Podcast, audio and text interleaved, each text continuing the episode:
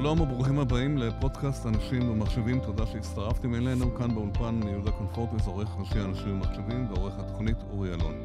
בימים אלה יצא לאור הספר מוליכים להצלחה מאת דדי פרלמוטר, אחד מחלוצי ענף ההייטק בישראל, שבמשך כמעט ארבעה עשורים אה, עבד בחברות כמו אינטל, והתפקיד האחרון שלו היה סגן נשיא אינטל העולמית. הוא עומד מאחורי מספר פיתוחים שחברת אינטל הוציאה ושינה את עולם הטכנולוגיה ונכנס כיום לכל בית בישראל. שלום לדדי פרלמוטר. שלום וברכה, יהודה. מה שלומך? אני בסדר גמור, עסוק. יפה, זה טוב, זה תמיד טוב. כן. אוקיי. קודם כל, אה, בואו נדבר בשם הספר. מי שלא מכיר ולא יודע, מוליכים למחיצה, מוביל אותו לעולמות מאוד מסוימים בתחום השבבים, ההייטק, שזה עולם, היה העולם שלך, אבל אני מניח שלך היו כוונות יותר רחבות בשם הספר הזה. אה, כן, השם של הספר נבחר, הוא בעצם מעין לשון נופל על לשון. קודם כן. כל, להוליך זה כמו להוביל, בהובלה להצלחה. נכון. אצלי במקרה האישי, המוליכים למחצה הובילו להצלחה. כן. אבל מה שרוב האנשים לא יודעים, ויש לי פרק שלם בספר, כן. שבעצם המוליכים למחצה, עולם השבבים, אה, עבור העולם הדיגיטלי זה כמו הנפט לעולם התעשייתי. נכון, נכון. אה, כלומר, יש פה המון מובנים להולכה להצלחה, גם עולמית וגם אישית שלי, כן. וגם הספר נותן כלים של איך לחשוב בעולם של תנאי ודאות ושינויים גדולים, איך להוביל בכל זאת להצלחה, להחליט החלטות ולהוביל דברים. לאיזה קהלי אה, יעד הוא מפנה? אני מבין שלא רק לאנשי הייטק, מה ש... כמו שהבנתי מהספר. אה, כן, הספר לא עבור אנשי הייטק, הספר הוא גם לאנשי הייטק, יכולים לקרוא אותו בהחלט אה, ולראות בו הרבה דברים. אני חושב שהספר רוצה לתת כלים לכל אדם שהוא, שרוצה או רוצה להחליט החלטות, ובתנאי הוודאות של היום, קבלת החלטות הופכת להיות יותר ויותר קשה, והיא יכולה להיות כל דבר למין מנכ"ל חברה, מנהל של סטארט-אפ, אה, בעל עסק אה, קטן, וגם הורה שתוהה איך לתת חינוך נאות לילדיו, כדי שבעוד 10-20 שנה שהילד יצא ממערכת החינוך, יהיה כשיר לעבודה בעולם הבלתי צפוי שלנו. הבנתי. אתה כותב אומנם באמת בתחילת הספר וגם בהקדמה, כי זה איננו, אינה ביוגרפיה שלך, זה לא ספר ביוגרפי, אלא בעצם הספר מבוסס על ניסיון שצברת בתחנות השונות הרבות והמגוונות בחייך, אבל uh, בכל מקרה, uh, uh, עדיין, זה, זה עדיין מבוסס על ניסיון מהדברים שעשית במשך כל, כל, כל השנים, נכון? ואם אתה יכול לקחת אותנו לכמה תחנות מעניינות, מה, מה בעצם... המסקנות שמהם למדת מאותם דברים. היית בהרבה מאוד מקומות בתחום, אומנם באינטל, בדברים אחרים, עסקת בפיתוחים אחרים, הגעת לתפקידים אחרים. מהם התחנות המשמעותיות ביותר בסיפור הזה, ואיך, ואיך הם מתקשרים למטרת הספר הזה? כן, כמו שאמרת, בהחלט נכון. הספר הוא לא אוטוביוגרפי, אבל הוא מספק, הוא לא בא לספר עליי, כן. אבל הוא בא לספר על התובנות שעשיתי בצמתים אה, לא פשוטים שעשיתי בחיי. אה, הטיעון המרכזי שלי, ואני חושב שהוא עובר כחוט השני בספר וגם בהרצאות שאני נותן, הם סביב אה, משברים וכישלונות. Mm-hmm. אני חושב שהחיים שלי, הקריירה שלי וגם החיים שלי נבנו ממשברים. אני כותב פרק שלם שהיה לי קשה לכתוב אותו על אה, אחי שנהרג בזמן שהייתי ילד בן 20. כן. ועד כישלונות כאלה ואחרים שהייתי בתוך אינטל. Mm-hmm. וה...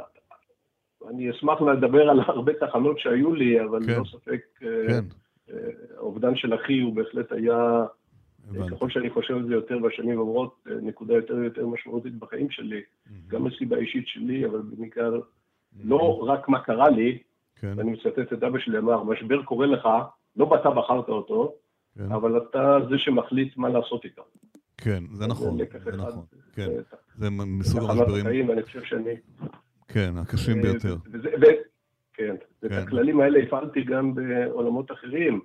אז uh, תחנה מאוד מעניינת הייתה שהייתי מהנדס צעיר. כן. ואינטל ניסה ללכת לכיוון uh, אחר, שפחות או יותר העולם הלך, נתנו כן. לאופנה, מה שקראו אז מעבדי ריסק. אני מניח שהקהל שלה, שלך מכיר מה זה כן. מעבד ריסק. כן. ואינטל רצה ללכת לעולם הזה. ואני בראש קבוצה של שני מהנדסים, שלחנו פקס לפקס, זה היה סוף שנות ה-80. זה היה סיכון, לקחת סיכון אישי, מה שנקרא, כן. כן, הסיכון, אתה כותב על זה בספר, כן, כן. כן. שלחנו פקס לאנדי גרוב, אמרנו לו, אנחנו עשינו אנליזה, אין לך שום צורך ללכת לריסק, כן. מה שיש לך ב-X86, כן. אה, די, והותר יכול להתמודד בקלות, והוא כן. שומר על כל הנכסים של אינטל בנושא של קומפטיביליטי. היית מודע לסכנה אה, שבדבר הזה, שהוא ייקח את הפקס ויגיד מי זה האנשים האלה שבכלל מעזים לפנות אליי פתאום ככה? האמת שלא. לא. זה היופי בצעירים, שלא לוקחים את הסיכון. כן, כן, כן, בדיוק. היום לא היית עושה את זה, היום לא היית עושה את זה. בוא נאמר ככה, כן, הייתי כן. אז בן 30 וקצת, היו לי אה? שלושה ילדים, הייתי נשוי, כלומר, הייתי צריך לחשוב... סיכנת הרבה, סיכנת הרבה, כן. בלי עבודה, אבל כנראה שהטיפשות היא חלק מהאומץ. כן, אבל קרה משהו אחר, קרה משהו אחר בעצם. קרה משהו אחר. אה, מסתבר שפחות או יותר באותה תקופה, ביל גייטס טחן את הראש לאנדי גרוב. למה? אמר לו, אדוני נכבד, אם אתה הולך לנטוש את התאימות של x86, של כן. מעבדי אינטל. אני לא, ואני צריך לכתוב את כל התוכנה של אה, אז היה דוס ואחרי זה ווינדוס כן. חדש, לא בטוח כן. שאני אכתוב את זה על הארכיטקטורה שלכם. וואו. אז, והפקס, והפקס שלי נחת, אני לא היה לי מושג. לא ידעת. גרוב לא, לא דיבר כן, איתי. כן. אני הייתי חמש רמות מתחתיו, וגם ביל גייטס לא דיבר איתי. כן. אבל כנראה שהפקס נחת על שולחנו של אנדי גרוב, הוא אמר, וואו, הצילו אותי. ואז מה, מה הצעתם לו בעצם? אה, האמת היא שהצענו לו, כמובן שההצעה הייתה מבוססת על עבודה של חודשים רבים שעשינו, כן. הצענו לו דרך שבעצם יכול להשתמש בהרבה מעקרונות הריסק, אבל לשמור על התאימות, אה, כאשר העלות הייתה איזשהו סיבוכיות מסוימת וקצת עלות בשטח הצ'יפ. כלומר, הצ'יפ היה טיפה יותר יקר ממעבדי ריסק, אבל זה היה תשלום שולי לעומת הפוטנציאל הרווחים שיש לאינטל לשמור על התאימות שלנו. ואז הוא החליט בעצם כן. לעשות את מה שקרה, הפך להיות מעבד הפנטיום. וואו. בעצם, אז אתם כן, בעצם, הפנטיום נולד כן. בעצם פה בישראל, בחיפה, ואתה היית חלק מהאנשים שלו, שפיתחו את זה, נכון? אמת. שחשבו על זה. אני הבנתי, קראתי בספר שלפני כן גם פניתם לכמה גופי, לכמה אנשים שעובדים שם, גופי פיתוח, והם אמרו לכם שאתם לא מבינים על מה אתם מדברים בכלל, על מה אתם מבלבלים את המוח. אתם בחיפה בכלל לא, לא, לא, לא, לא מחוברים למציאות, נכון? אה, זאת האמת, האמת היא שאת הפאק שלחנו מה שנקרא כן. כמהלך אחרון של ייאוש. כן, בדיוק, כן, זה עוד יותר מסוכן, כן, לעקוף את כל כן, האנשים. ניסינו ללכת באמצעים הרגילים, דיברנו עם הקולגות שלנו, אמרנו, חבר'ה, תסתכלו, אתם הקולגות בעולם של אה, פיתוח, בעולם של מדע, אתה נותן את התיאוריה שלך למבחן הקולגות. כן, אז אה, דיברנו על הצלחה. כן, דיברנו על הצלחה, ואתה מדבר גם על כישלונות. איזה כישלונות אתה זוכר מהפעילות שלך, שאתה היית מעורב בהם, ובטח אה, זוכר אותם עד היום? יש לי, יש לי ספר שלם, אני יכול לכתוב רק על הכישלונות, אה? כן, כן. אני כותב, אה, אני כותב, אה, כתבתי באופן ספציפי על כישלון אחד, כן. בערך עשור אחרי הסיפור על הפנטיום, אז כבר הייתי כבר VP באינטל, הייתי כבר מנהל ב... כן.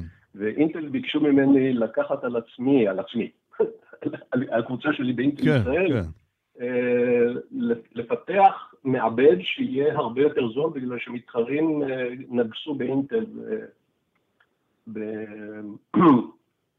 בפלח השוק של אינטל, בגלל שמכרו מעבדים יותר זולים ואינטל לא יכלה להתמודד. כן. אה, אז ביקשו ממני לעשות משהו חדשני, אה, היה חידוש גדול, החידוש הזה נולד על ידי זה ששני מהנדסים תפסו אותי במסדרון, כי אף אחד מאיתנו לא יודע איך לעשות את זה. כן. ידענו שצריך, אבל לא ידענו איך. ותפסו אותי שני מהנדסים, ניערו אותי, כלומר זה היה אקוויוולנט של הפקס, הם לא שלחו לי פקס, הם תפסו אותי במסדרון, כן. אמרו לי, דדי, יש לנו רעיון אה, שדרש לשנות כיוון מהצורה שאינטל מפתחת אה, שבבים. דרמטי. זה לגמרי, כן, כן. כן, כלומר, להאיט את מהירות הפעולה של המעבד, שזה היה מה שנקרא ייהרג ובל יעבור באינטל באותה תקופה. כן. ו... כלומר, זה, זה היה תמחור, אינטל מכרו לפי המהירות של הפעלת המעבד. נכון, כמובן שלחתי אותם באותה תשובה, אמרתי, אתה בלבול במוח, אתם לא מבינים. מה שאמרו לך אז, כן, כן. מה שאמרו לי אז, כן, אני חטאתי באותה יוהרה. כן. אבל אחרי כמה בימים תפסתי אותם, אמרתי, אתם יודעים מה, לפני שאני מנפנף אתכם, תסבירו לי למה אתם חושבים שאתם צודקים. והם אמרו לי, הם עשו, הם הכינו שיעורי בית, הכינו, והלכנו על השיטה הזאת. ובאמת הרעיון הזה הצליח, הצלחנו להוריד מחירים, אבל עשינו טעות אחרת. בחרנו טכנולוגיה של אה, זיכרון שהייתה מאוד חדשנית, אבל היא לא עמדה ביעדי העלות, זה היה פתרון של צד אה. שלישי, ובסוף הורדנו מחירים. כעסו, אה, כעסו עליך? כעסו עליכם? האמת היא, תשמע, כעסו בוודאי שלא הייתה שמחה גדולה. כן. בסך הכל עלות הפיתוח עלתה כ-250 מיליון דולר. וואו. אבל כן, אה, היה לנו פחד גדול, אני פחדתי לא על עצמי, כמו שפחדתי ש... על הצוות שלך, כן. באינטל ישראל, כן. כן, כן. עוד פעם, האלה, עוד פעם האלה מחיפה עשו בלאגן. עוד פעם האלה מחיפה, כן. כן, עוד, כן. עוד פעם האלה מחיפה, עוד כן, פעם. אה, כן. היו כמה מקרים בעבר, כלומר זה לא היה הראשון. ברור, היה... ברור. אבל, אבל כן. אה, עשינו תהליך, עשינו תהליך מאוד מדוקדק של הבנה של מה נעשה, ואחד הלקחים שלמדתי, ואני חושב שהוא חשוב, שבכל כישלון, לא רק צריך ללמוד רק ממה שעשינו לא נכון, שלמדנו, אבל גילינו שאותו רעיון ששלוש שנים קודם המהנדסים האלה טחנו לי בראש, לא רק הקטינו את הרכיב, אלא גם הורידו את צריכת החשמל שלו בחצי. הבנתי. עכשיו בואי... אה, ואז הייתה אוריקה, אפשר כן. לעשות מזה מעבד כן. נייד. יפה. תגיד, עכשיו בוא נחזור רגע, אמרת, אמרת שזה בעצם הספר לא מיועד לאנשי הייטק, ויש בו תובנות גם בכל דבר אחר, אבל אני קורא, אני יכול לקרוא את הספר ואני אגיד, אוקיי, אז הוא היה באינטל וחברת הייטק, ויש לה סטנדרטים משלה, אבל יש עולם אחר מחוץ לתחום העולם הזה של ההייטק. איזה, איך אני יכול לשאוב משם את המסקנות, התובנות, כמו שדיברת עכשיו על כישלונות, על דברים אחרים? זה לא עובד בכל מקום, זה לא סטנדרט שקיים בכל מקום, בטח לא בישראל. אני מסכים. אבל אם יש משהו שאני חושב שראוי וצריך לעשות אותו, היא לעשות שינוי בכל מערכות חיים. Mm-hmm. והמיקוד שלי בעשור האחרון הוא בעיקר בנושא של חינוך. כן. אז אני לא מורה ולא פדגוג, כן. אבל אני חושב שהכללים שהנחו אותי בתור עובד בחברת הייטק, באינטל במקרה הזה, אבל בכל כן. חברות הייטק, לפי אותו מודל גם הקמתי עמותות, שתלויות על חדשנות, חיפושי דרך, אה, כישלונות וכולי. אבל אני חושב שכל מערכת החינוך צריכה להשתנות בגלל שתפקיד מערכת החינוך הוא להעמיד את הילדים שלנו, הנכדים שלנו, ערוכים ומוכנים לחיים שאף אחד מאיתנו לא יודע לתאר אותם. או, מי יודע חשוב. איזה מקצועות יהיו עוד 20 שנה? ולכן כל החשיבה של איך מחנכים ילדים לכישלונות. אם תרצה, אני יכול לתת לך דוגמה שנתתי כן. למנהלי בתי ספר בהרצאה. בבקשה. אמ, אה, נתתי להם דוגמה, היום מאוד מקובל מאוד אה, לעשות אה, פרויקטים. אני חושב שזה רעיון מצוין. כן. נותן דוגמה, ואני מכיר. תלמידי כיתה י"א קיבלו לבנות רובוט, כן. שבועט ותוקע גולים. עברו שלושה חודשים, שבוע לפני מתן תעודות, הילדים צריכים להציג את הפרויקט. ולא עובד. קורה. קורה. כל אחד... אפילו לביל גייטס לא, אפילו לביל גייטס לא עבדה. כן, אתה יודע, קיבל, קיבלו, כן. עשו, כתבו תוכנה, עשו צ'יפ, הצ'יפ לא עובד. כמה פעמים קרה לי, לא מעט. קורה, לא, לא סיפור יוצא דופן. אבל לא נעים, לא נעים מבחינת הילדים, כן. כן, או לא נעים לחלוטין. אני בטוח שהתלמידים עמדו שם, חלקם לא רצו לבוא בכלל להציג. איזה ציון, איזה אה. ציון אה, נותנים על אה, הפרויקט הזה. ומה? ומה היה? אז בוא נאמר ככה. כשדיברתי עם המנהלים על זה, שם זו קבוצה של 30 הרבה מנהלים, הם הבינו שיש פה שאלה טריקית. כן, בדיוק. זה ברור שאני עושה להם פה טריק. אה. אז אה, חלקה הוא נכשל, מה לעשות? נתנו לי לעבוד, זה עובד, אה, נכשל.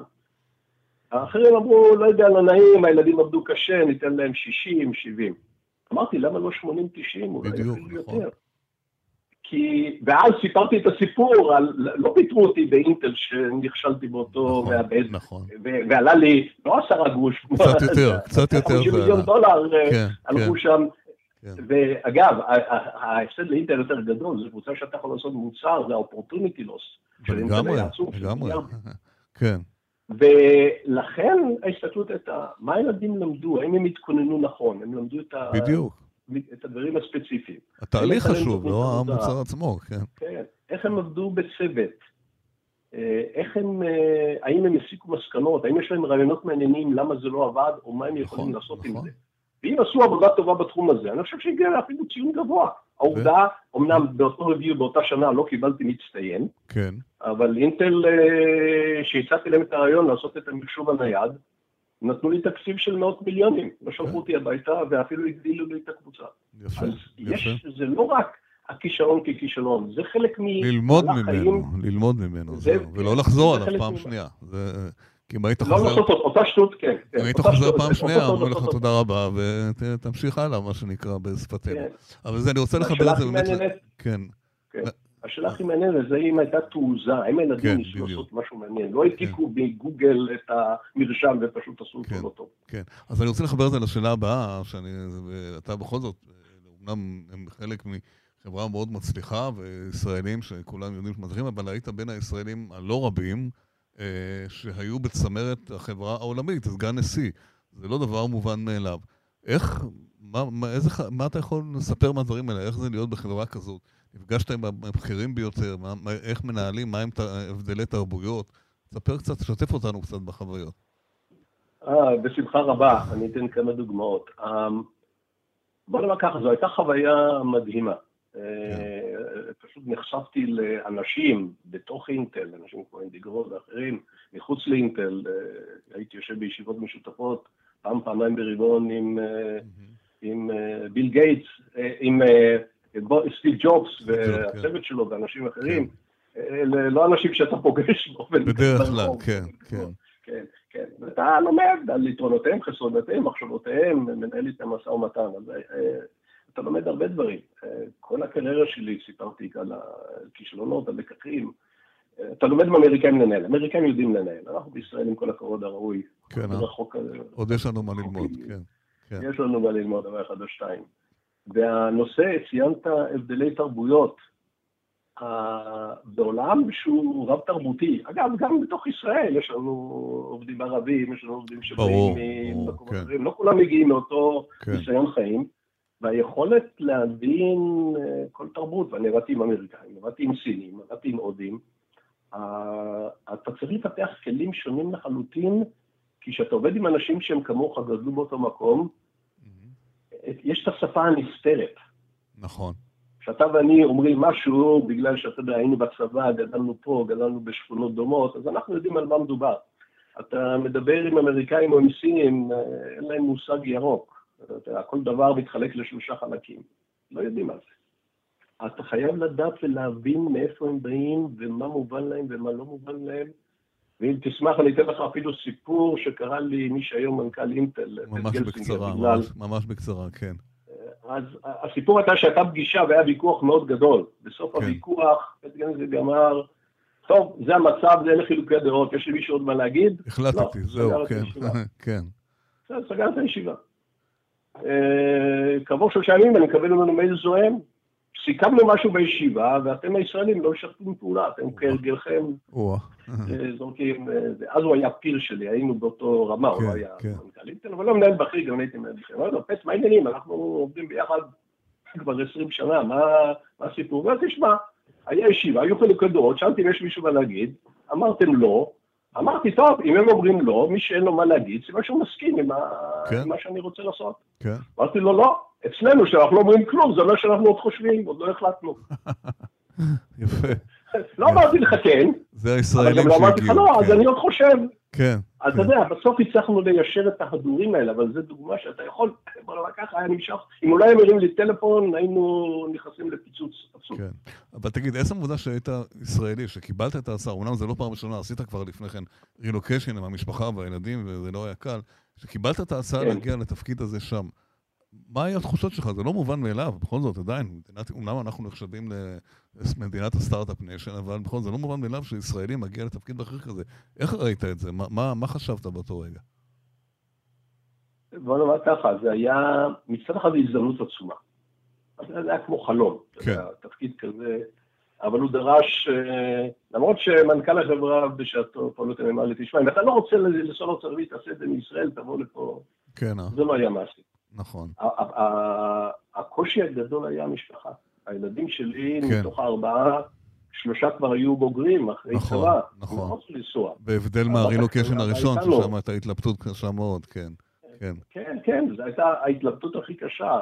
יש לי הרבה התלבטויות, רובן היו הקשיים בעיקר סביב האישה והילדים. זה היה, זה נכון. זו הייתה ההתלבטות הקשה. בסוף אשתי כן. שכנעה אותי שהזדמנות כזאת לא אומרים לא. יפה, כל אבל הכבוד. זה היה הריחוק, הריחוק מהמשפחה, הריחוק מההורים שכבר התחילו נכון. להזדקן. היה לא קל לחלוטין, כלומר היה פה תשלום אה, לא פשוט. כן. זה אגב תובנה שקראתי את הפרק הזה, ובאמת הרבה מאוד אנשים שחושבים שרילוקיישן זה באמת אה, החלום של כל אחד, אבל יש לזה מחירים, ללא שום ספק. מחירים אישיים, מחירים משפחתיים, ולא לא תמיד האנשים שעושים את זה גם לוקחים את זה בחשבון, נכון? גם ישראלים שעוברים בחברות הייטק, פתאום הם רואים שזה לא קל כל כך, וזה לא, וזה תובנה מאוד חשובה, שאפשר ללמוד מהספר גם מתוך ההתנסות האישית שלך, ב- ב- ב- ב- בסופו של דבר, נכון? אמת, אני חושב שזה אחד הדברים שהיו חשובים להעביר. בסוף תחליט החלטה, או תחליטי החלטה, אבל כן. צריך להבין את המחירים, את הקשיים, אה, לגמרי, לגמרי. שנשארים, חינוך לילדים, איפה הם לומדים, יש... עולם אחר לגמרי. חינוך, בית, להתרגל, כן, לחיות, כן, כן, זה לא דברים אחרים. לקנות אוטו ומקרר זה החלק הקל, תגיד, אה, אנחנו במיוחד נמצאים, באמריקה. כן, אפרופו אה, לדעת אה, לצפות דברים וכישלונות והצלחות, אנחנו בתקופה של שנה וחצי של הקורונה, שכולנו יודעים מה היא עשתה לנו. יש בספר איזה שהן תובנות שיכולות, מתאימות לעידן הזה של היום? אה, בהחלט. אני כן. חושב שהקורונה הייתה דוגמה מעולה שניחתה על כולנו, וכמו שאבא שלי אמר, לא בחרנו אותה, אבל היא קרתה, מה אנחנו לומדים ממנה. אני חושב ש... אני, אני חושב ש... אני פעיל בעמותה שעוסקת בחינוך ונקראת תובנות בחינוך, ואנחנו עסקנו הרבה כן. בנושא של הקורונה. מהמם. אז יש כמה לקחים. אחד, האם הייתה מוכנות למשבר במערכת החינוך? והתשובה היא לא. לא, ברור, כן. אה, וזה לא מוכנות. אומר לי, יפה, מי צפית את הקורונה? לא צפיתי את הקורונה. כן. אבל במדינת ישראל, אה, לחסן נסראללה יש עשרות אלפי טילים. מה, הם לא, נכון. לא יעופו, לא צריך להתכונן שיום אחד הם יעופו ונסגור את נכון, בתי ספר נכון. לכמה? לחודש, חודשיים, לחצי שנה, לא נלמד. לא סביר. נכון. מערכת הדיגיטלית לא עובדה. לילדים לא היו מחשבים, בוודאי בבתי ספר, כן, כן. במצב סוציו-אקונומי לא טוב, כמו שאנחנו פועלים בעמותות הגדולות בחינוך. אבל המסקנה העיקרית הייתה שפתאום מנהלים קיבלו מצב שבו בעידן משברי יש אפשרות לעשות דברים שמשרד החינוך לא היה נותן לעשות קודם. נוצרו המון תובנות מאוד מעניינות. כן. ועשינו גם הכשרת מנהלים יחד עם חברת אינטל על איך מטפלים במשברים, איך, איך מנהלים כן. שינויים בצורה מוצלחת. אני חושב שיש פה אפשרויות לפריצות דרך, ואני מקווה שכולנו נעבור מ... את יודעת, פעם הייתה סיסמה מחשב לכל ילד. כן, כן, אני חושב שמחשב לכל ילד הוא חשוב, הוא חלק מהתשתית, כן, אבל אני חושב שצריך לתת לכל הילדים מחשבה יוצרת, נכון. כדי שיהיו מוכנים לעולם, ה... לעולם שהולך לפנינו. רק כשיהיה לנו מקצוע ביד, לא יעבוד עוד אה, 10, 15, 20 שנה. אפרופו הכנה של מערכת החינוך ובכלל, מה המערכות בישראל, למרבה הצער, אני אומר את זה, כי דיברת על זה בספר, אתה מדבר, ואנחנו יודעים שצריך גם להפיק לקחים מ- מכישלונות ולא לחזור עליהם. למרבה הצער, ממה שנראה בשבועות הקרובים, לפחות במערכת החינוך, אני לא בטוח שהצליחו להפיק את כל הלקחים, וזה חבל מאוד, כי זה חלק מהדברים האחרים, ועדיין אנחנו כנראה נצטרך לדבר על זה אה, עוד לא מעט. אבל זה, זה מה יש. שאלה אחרונה, אני רוצה לשאול אותך, אה, אנחנו מוכרים בעולם, בטח גם אתה ב- ב- באינטל, כ start-up nation. יש עתיד לזה? אנחנו נמשיך להיות ככה, או שזה כבר אה, פעם זה יהיה היסטוריה בעוד כמה שנים? קודם כל אני מקווה שלא, אבל גם אני, אני שואל אותך בתור אחד רק שמכיר, לתקן כן. טעות. כן, אני רוצה לתקן טעות. מדינת ישראל היא לא start-up nation. כן, בשיחה שלנו עד לפני נכון. 20 שניות הייתה, נכון. בתוך מדינת ישראל יש תת מדינה, שמשתרעת פחות או יותר מרוטשילד כן, עד אה, בתל אביב, עד שנקר בהרצליה, עם סניפים ביוקנעם, חיפה, גדרה חדרה, מה שנקרא בשפת העם. כן, כן, כן, זה, והיא כוללת 10% מהאוכלוסייה, שעושים עבודה נפלאה, 25% מהמיסים, כן, כן. 50% מהייצור, אה, לא רוצה לה- להפריך כן. בדברים האלה. אבל, אז, כן, אבל, יש פה שני דברים. אחד, קודם כל לתעשייה הזאת, המערכת החינוך לא מספקת מספיק אה, בוגרים ראויים לתעשייה הזאת, ואני חושב שמערכת החינוך לא מספקת בוגרים ראויים אה, עבור, עבור מה שיהיה פה עוד 15-20 שנה, שהכל יהיה לא הייטק, לא כולם יעבדו בהייטק ויעשו אה, אפליקציות כאלה ואחרות, כן. אבל כולם יעבדו בעבודות, גם רופאים, עורכי דין, נכון. אפילו עובדים במפעלים, יתפעלו דברים שונים לחלוטין ואותם לא מכינים. והבעיה הגדולה בתעשייה הזאת, שתעשיית הייטק, היא נבנית, היא גם מוגבלת גיאוגרפית, אבל גם היא די משעממת מבחינה דמוגרפית. רוב האנשים, פחות או יותר גדולים שמגיעים מאותו מקום, כן. מאותה סביבה, כן. אז, אה, ואני עוסק לא מעט גם בהבאת ערבים, גם בהבאת אה, גורמים אחרים, אה, חרדים. יש, יש מה לעשות במדינת ישראל שיהיה לתועלת לא רק להייטק, לא לטובת start-up nation, אלא כדי להפוך את כל מדינת ישראל ל-innovation nation. בדיוק. וגם להיות במצב שבו אנחנו מעלים את התפוקה ואת התל"ג של כל מדינת ישראל, בגלל ש... אנשים עוסקים בעבודות יותר יצרניות. זה הרבה יותר חמור, ואפשר לפשט את זה פשוט במילים פשוטות. אנחנו בישראל נחשבים start-up nation, כי אנחנו מפתחים טכנולוגיות שמשנות עולם, מיושמות בכל העולם, ועדיין בישראל, אתה תראה, בממשלה, במוסדות שונים, עדיין יש פקסים, ועדיין לא מיישמים אפילו עשרה אחוז מכל מה שצריך לעשות. זה אולי בעצם האתגר של השנים הבאות, גם של הממשלה החדשה וכל הדברים האחרים, להפוך את מדינת ישראל ליותר דיגיטלית, כי יש פה את ההון האנושי. שיכול לעשות את זה, ואין שום סיבה שהוא לא יעשה את זה, ובאמת אתה גם מדבר על זה בספר. אה, דדי פרל מוטר, קודם כל אפשר לדבר עוד הרבה כמובן, ותודה רבה לך, דדי פרל מוטר, אתה מחבר כמובן, אמרנו, ספר אה, מוליכים למחיצה בהוצאת ידיעות אחרונות. מוליכים להצלחה. מוליכים, סליחה, להצלחה. כן, אוקיי. אני אמרתי מוליכים למחיצה בהתחלת השיחה, לא? כן, כן. אה, מוליכים להצלחה, אוקיי. את הפתיח אחר כך. טוב, אוקיי. אז בכל מקרה, אה, תודה רבה לך, ולהתראות. נדבר בהצלחה בסוף. תודה רבה, יהודה, ותודה על האפשרות אה, לשלוח את... אה, עד כאן הפרק הזה, תודה שהאזנתם לנו. אנחנו זמינים גם באפליקציית ספוטיפיי, בגוגל פודקאסט, וכמובן באתר של אנשים ומחשבים. להתראות בפרקים הבאים.